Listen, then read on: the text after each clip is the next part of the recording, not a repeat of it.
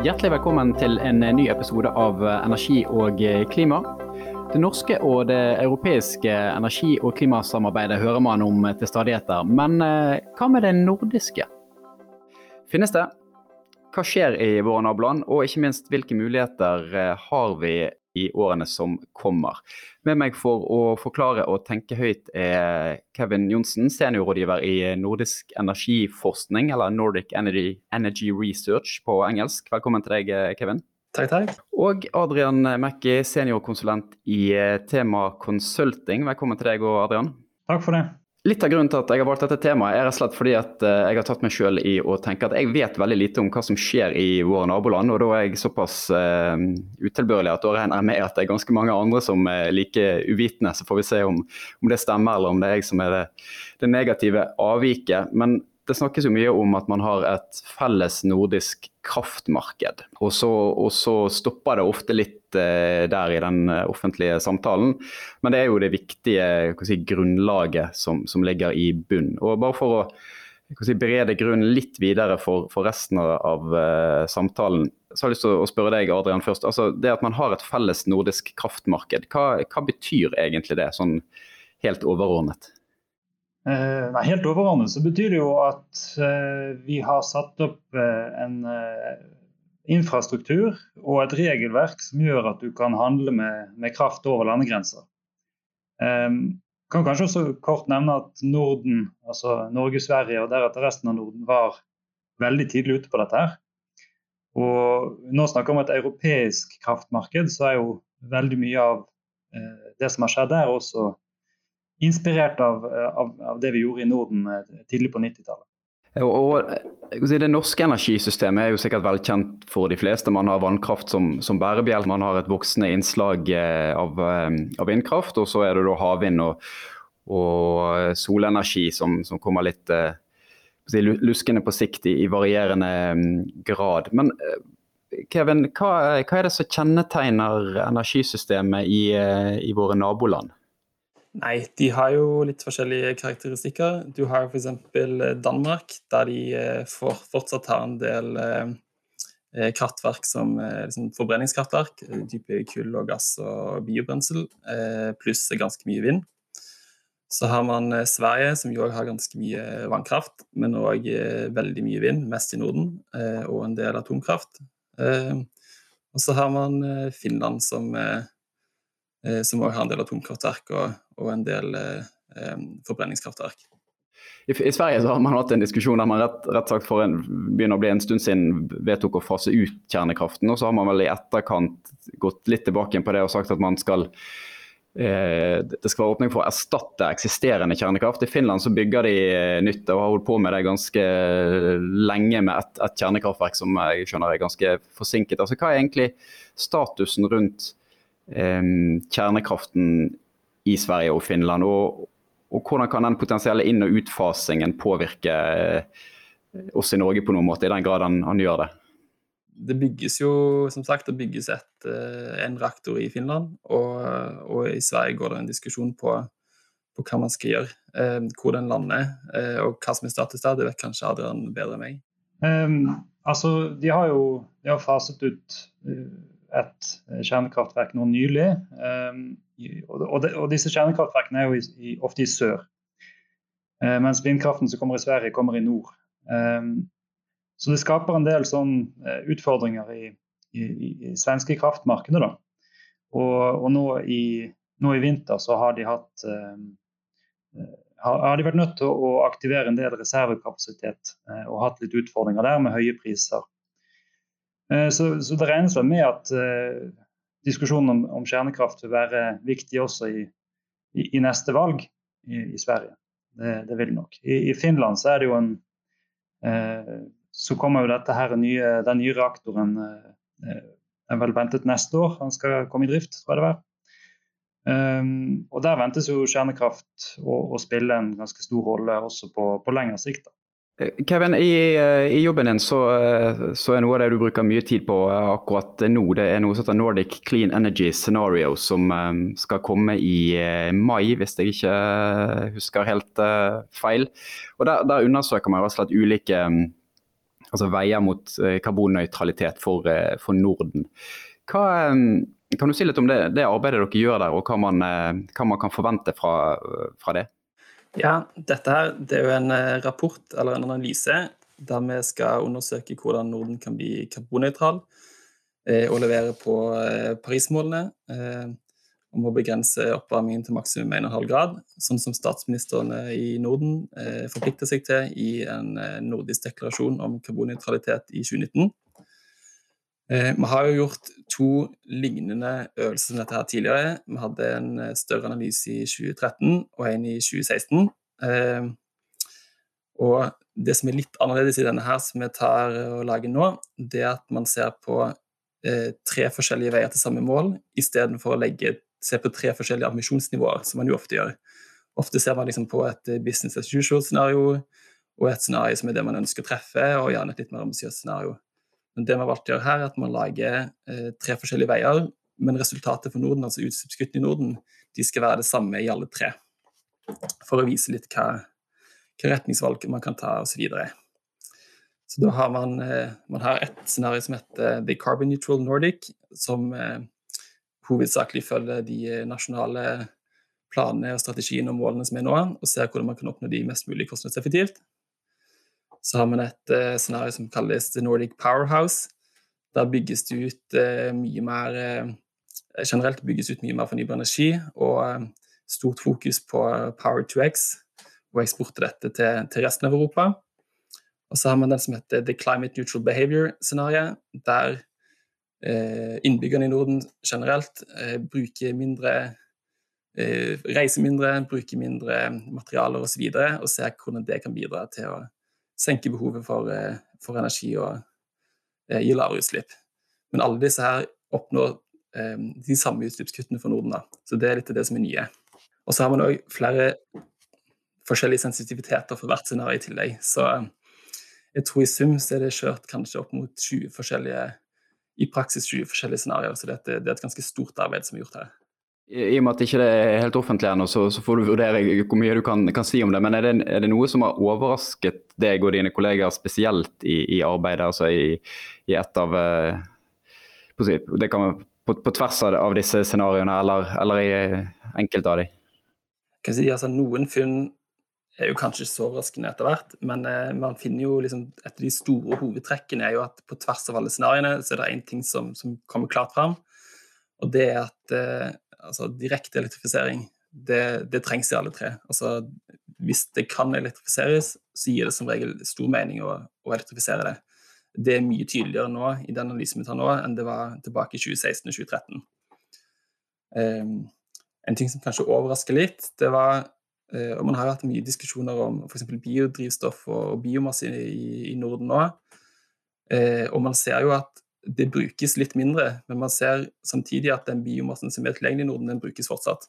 Eh, så det var litt overraskende når man ser, i hvert fall fra et norsk perspektiv, med, med mye, mye, elbiler og elferjer og alt mulig, så var det litt overraskende. Men Eh, men det er i hvert fall eh, en ting man ser, at eh, den biomassen som er tilgjengelig i Norden, den brukes gjerne. Den er veldig fleksibel og kan brukes i nesten alle sektorene. Kan jeg spurt Dette scenarioet hvor Nordic Powerhouse, var det det du eh, kalte det? Med mye, med mye, kraft. Hvor kommer den i Norden? En jevnt fordelt mellom landene? Og eh, hva slags teknologi er det snakk om? Oh, nå går du litt i detaljene her. Men eh, det er jo en blanding av eh, offshore vind, eh, selvfølgelig, som det bygges en del av. Mye onshore. Eh, eh solkraft i en del forskjellige land. Eh, hvordan det fordeler seg mellom landene i de forskjellige scenarioene, det, det, tror jeg ikke jeg skal si så mye om nå. Det, det får man nesten lese detaljene og se på. Men, eh, men, det fordeler seg jo altså det er både Noen land kommer bedre ut enn andre, men det, det bygges jo mer fornybar energi, eller fornybar kraftproduksjon i alle, alle land i alle scenarioene, tror jeg. Men det varierer litt forskjellig fra scenario til scenario eh, hvor mye denne kraftproduksjonen øker. Eh, og en forskjell er jo litt òg om man, eh, om man eh, om man sender denne kraften ut som, eh, som e-fuels, eller om man velger å, å handle med det som, som, elektrisitet. I disse tre scenarioene, hvordan, altså hva er de viktigste måte nordiske samarbeidsløsningene som dere ser der? Altså, hvordan skaper vi mer effektive løsninger sammen i disse tre scenarioene? Jeg tror én ting som, som, kan bli viktig, eh, det er eh, hvordan man eh, får bygd ut infrastruktur for karbonfangst og -lagring. Eh, det varierer òg liksom, mellom scenarioene på hvor, hvor, mye det blir tatt i bruk. Men jeg tror, jeg tror jeg kan si at i alle scenarioene så er det, er i hvert fall bruke litt karbonfangst og -lagring. Eh, og der eh, Det er jo et område der det i dag er veldig lite infrastruktur. Og der det vel, hvis jeg ikke tar helt feil strengt tatt, det fortsatt er ulovlig å sende karbon eh, eller CO2 fra et annet til et annet fordi det regnes som avfall. Så her trengs det et arbeid for å, for å koordinere dette på nordisk nivå.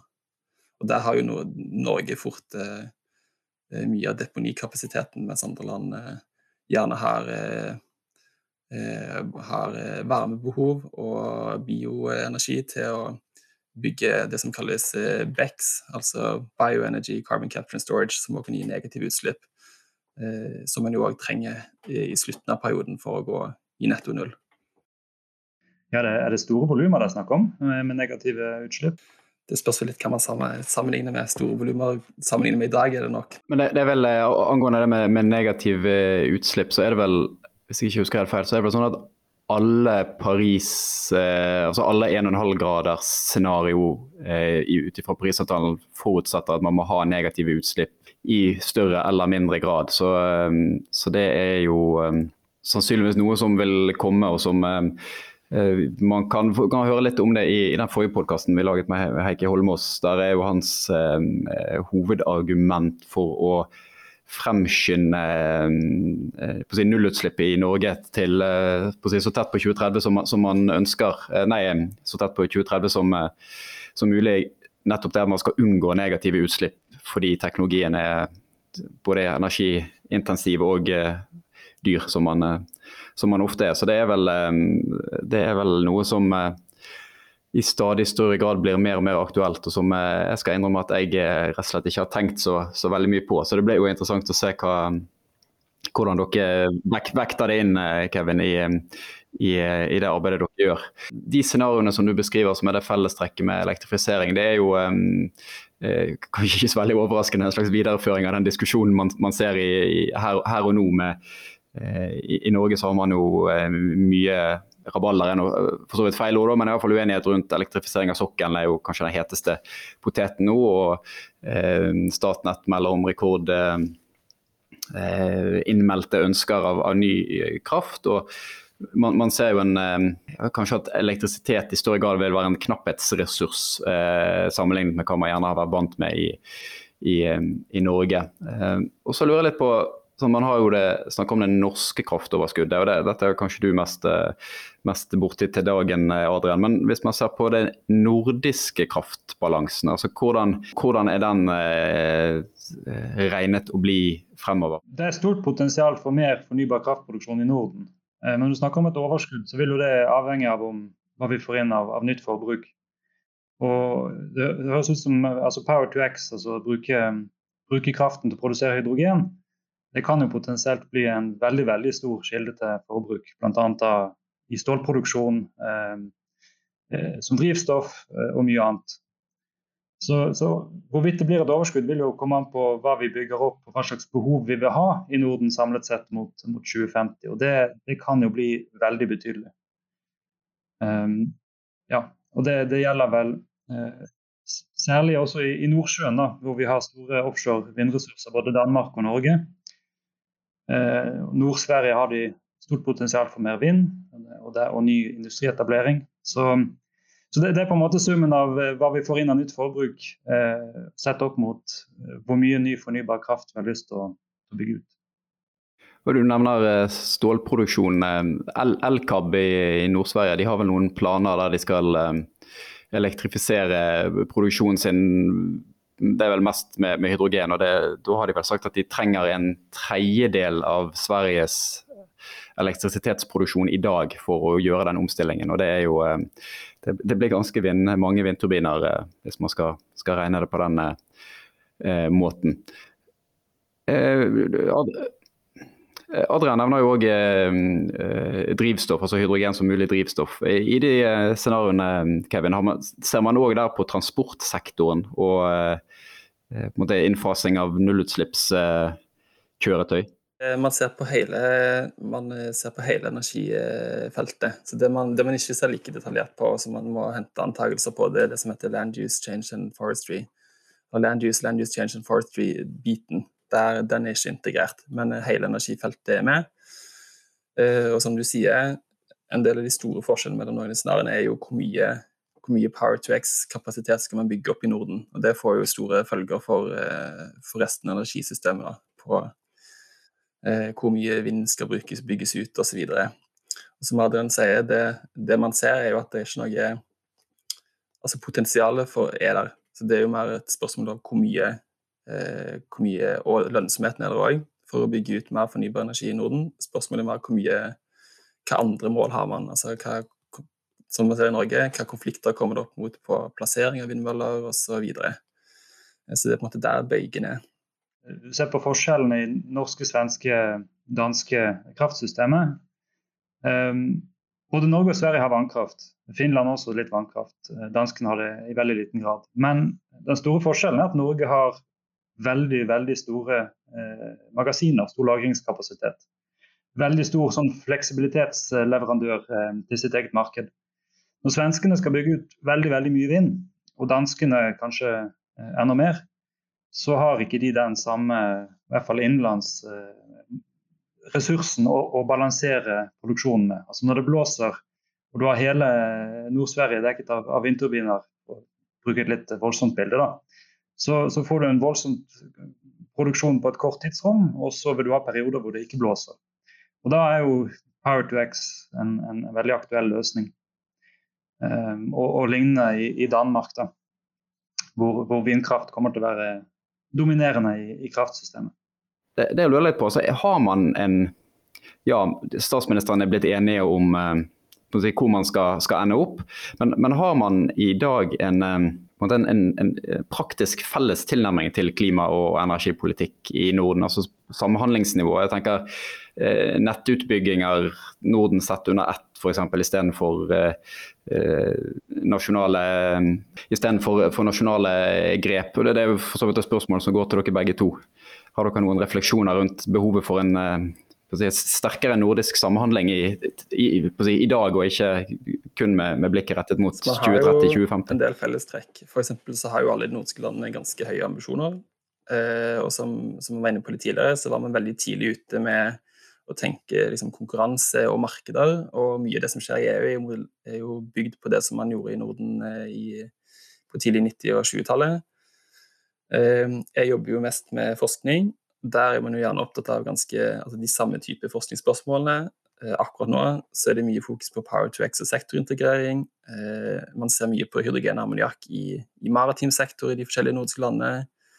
Eh, egentlig i hele Europa så forsker man på integrasjon av variabel fornybar energi, altså sol og vind, i kraftsystemet. Eh, digitalisering. Eh, jeg har ansvar for en utlysning akkurat nå som ser på digitalisering av transmisjonsnettet som er åpent. så Hvis det er noen norske forskere som, ute, som, forsker på det, så må de gjerne søke der. Og etter hvert så har det kommet litt mer interesse for felles forskning på karbonfangst, bruk og lagring. Så det skjer jo litt ting der. For å komme litt tilbake til spørsmålet. Det er jo gjerne en del forskjell når man går inn i, eh, går inn i, liksom i detaljene. Men der har man en del verktøy for å samkjøre og samhandle. Eh, og Der jobber jo vi i Nordisk energiforskning eh, heldigvis tett med en del av disse, eh, og for noen av de. Man har f.eks. det som kalles Embetsmannskomiteen for energi. Der møtes embetsmenn fra de forskjellige nordiske landene jevnlig og diskuterer forskjellige utfordringer og bestiller analyser via oss som skal liksom belyse hva som trengs å gjøres her. Man har det som kalles eh, elmarkedsgruppen, som har eksistert siden tidlig 2000-tall, tror jeg.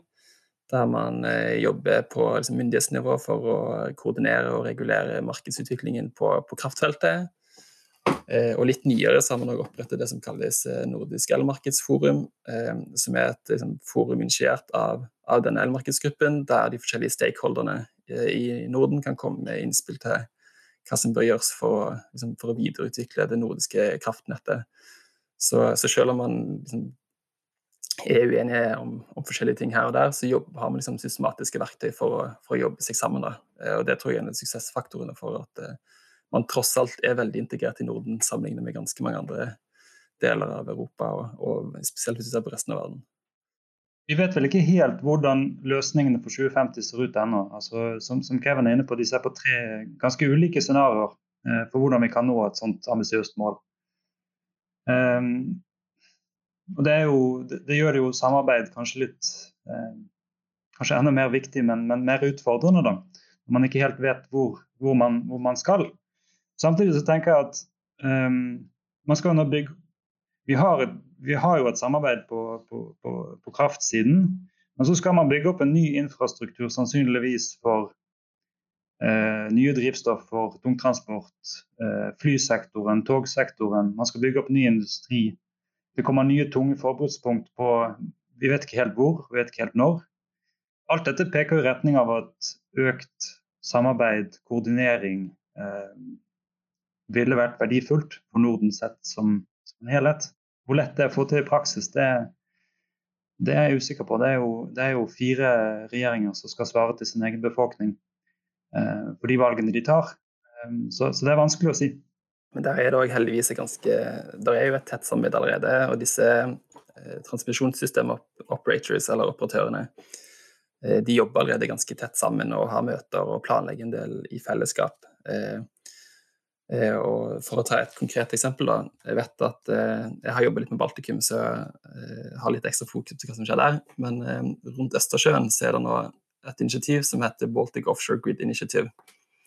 Og Der er det jo naturlig at alle landene som, som liksom sogner til Østersjøen, er med. og der, Kort oppsummert så handler det om å se på muligheten for å bygge et, et transmisjonsnett på tvers av sjøen, kobla til flere havvindmølleparker. Eh, og Der er jo f.eks. også Statnett med som observatør. Eh, fordi Det som skjer der, påvirker jo selvfølgelig hva som skjer i Norge. Hvis, Dan hvis Sverige, og Danmark og Finland blir tettere koblet til de baltiske landene, eh, og det bygges ut mye offshorevind, så vil det òg påvirke den norske, den norske, kraftsektoren. Så Der er Statnett med som observatør. Så Det er liksom konkret praktisk hvordan det gjøres på, på, liksom på, på grunnivå. da. Kunne det vært noe eh, man òg kunne gjort, altså den type samarbeid i, altså i, Nordsjøen? Man har jo snakket noe med altså Danmark har eh, denne mye omtalte energiøyen som eh, de vel har De har vel ikke punget ut alle pengene, men de har i hvert fall sagt at de skal, skal investere i det. og Man, man ser jo da altså, har, det, kommer jo òg et initiativ fra en del norske aktører med, med, å ha et nett der man kan når man eh, ikke trenger å forsyne oljeplattformene på et eller annet tidspunkt, så kan man da enten sende strømmen i land i, Norge eller sørover eller, eller, vestover. Altså Den type initiativ. Eh, kunne det vært en, eh, hvis man tenker litt høyt, en, en, en enda sterkere integrering i, mellom i hvert fall noen av de nordiske landene? Ja, det høres jo det synes jeg høres interessant ut. Men, eh, og der er det jo Jeg vet at eh, der har jo Energinett og Danmark forskjellige samarbeid på gang. Eh, jeg tror ikke Norge er med foreløpig, men det kan jo endre seg. Og jeg, når man ser på de forskjellige planene de, de skikker på, så er i hvert fall Norge integrert som en del av dette her. Jeg er enig. Jeg tenker det er et, et kjempeviktig spørsmål for hvis vi skal ha norske brillene på da, altså at vi, at vi, på en måte tar del i og blir integrert i den infrastrukturen på en, på en, på en god måte. Det er, det er, nok viktig for norsk på en måte havvindutbygging. Og Det er nok der veldig mye store volumer vil komme. da, altså denne Offshore-strategien til EU tar sikte på 300 gigawatt i 2050 med, med havvind. Og Storbritannia har vel, de tar vel sikte på rundt 100. Så vi snakker jo om eh, fort eh, hva er det, 1700-2000 TWh med havvind i Europa i, i 2050. Eh, og en betydelig andel av det kommer i Nordsjøen og i nord i Europa. Så, så det, det, vil jo bli et sånn krafttyngdepunkt da, som det er viktig at, at, Norden også blir integrert i på en, på en hensiktsmessig måte. Altså Europa, eller EU, da, forsøker å bygge et indre kraftmarked, et indre gassmarked, som har litt de samme målsetningene som det som vi har snakket om her. Da, altså få effektiv utbygging av kraftressurser og forbrukspunkt eh, over et større geografisk område. At man ikke ser det land for land. Og Norden, altså Norge er jo ikke med i EU, vi er med i eh, EØS, eh, men med i det indre kraftmarkedet. da. Så spørsmålet er liksom sånn, Hvor viktig blir Norden når Norden er såpass integrert i, i EU? da? Ja, og jeg tror... Eh jeg tror det er et godt spørsmål. Jeg tror det er flere svar. Jeg tror det, det spørs hvilken rolle Norden ønsker å ta. Altså, som sagt, eh, Norden kan i hvert fall den analysen vi jobber med, viser at Norden kan, eh, både kan spille en stor rolle i Europa hvis man ønsker, men hvis man tar andre valg, så kan man eh, spille en rolle der man først og fremst fokuserer på å kutte egne utslipp. Og begge deler vil på en måte være, være veier man kan ta, det. Men at det ligger litt opp til hva, hva Norden sjøl ønsker, og hvor tett integrert ønsker man å være. Det er jo for så vidt en befriende posisjon å, være i, at det er litt, litt opp til, til, hva Norden ønsker sjøl. Det tror jeg runder av den lille praten vi har hatt om, om, Norden. Vi skal som vanlig avslutte med ukens anbefaling til lytterne. Så da er jeg spent på hva dere har tatt med dere. Jeg kan starte ballet. Eh, nettstedet Netzero Climate de har foretatt eh, det de kaller en stresstest for alle verdens netto null-mål. Hvor konkret er de? Finnes det en plan, eller er det kun en uttalt eh, ambisjon? Og de resultatene er ikke all verdens oppløftende. De har gått veldig grundig til verks. Det er ca. 4000 enheter som er undersøkt. Som skal være alle verdens land. Store regioner, byer og ganske mange av de store bedriftene. Jeg lurer på om det var alle på om det var Forbes sin topp 100-liste eller Fortune 500, men en av disse bedriftsrangeringene. Så det er om ikke akkurat man skal tråle seg gjennom 4000 analyser, så kan det jo kanskje fungere som et greit oppslagsverk eh, for de som eh, har lyst til å, holde et øye med det. Eh, Adrian, hva har du bitt deg merke i? Nei, altså hva har jeg bitt meg merke i? Jeg tenkte egentlig å anbefale noe så, så enkelt som eh, altså dette her eh, Euractiv sine energi- og, eh, og klimanyhetssider til han Fredrik Simion. Jeg syns det er veldig nyttig for å følge, følge utviklingen i EU litt sånn løpende. og Han pleier å treffe, treffe ganske godt. Men jeg, har kommet på sånn en annen anbefaling som kanskje kunne Kanskje mer til eh, Kanskje mer til både nordisk energiforskning og energi og klima. så det er jo litt som Vi har vært inne på, vi har ikke full oversikt over hva som skjer i disse her landene. altså Finland, Sverige, Danmark, selv om de er oss ganske nær. Og det høres ut som vi burde samarbeide mer. Så jeg tenker sånn, denne Podkasten til Hilde Sandvik om eh, norsken, svensken og dansken, kunne vi laget en energi- og klimaversjon av, av, den, så hadde i hvert fall jeg den hadde jeg hørt på hver uke, for å si det sånn. Det er et veldig godt uh, forslag. Det, vi, uh, det, skal i hvert fall vi uh, notere oss bak øret her i, i, i, Energi og klima. Vi får jo òg en Brussel-korrespondent som begynner nå i løpet av våren, og som skal flytte til Brussel så fort det, det, det, lar seg gjøre rent smittemessig. Så det er jo òg om, om, om, ja, kanskje litt mye å ha både en norsk, en nordisk og en europeisk eh, podkast, men det er i hvert fall potensialet til å trekke inn flere perspektiv. Så det er, en, eh, det er et veldig godt innspill, eh, Adrian. Kevin, da skal du få, Kevin, da skal du få avslutte. Ja, jeg har sniket meg til å foreslå to ting.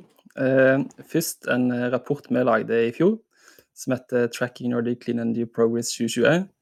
Det er en ganske kort, oversiktlig og illustrativ rapport med mye fine figurer og grafer om hvordan status er i Norden i dag.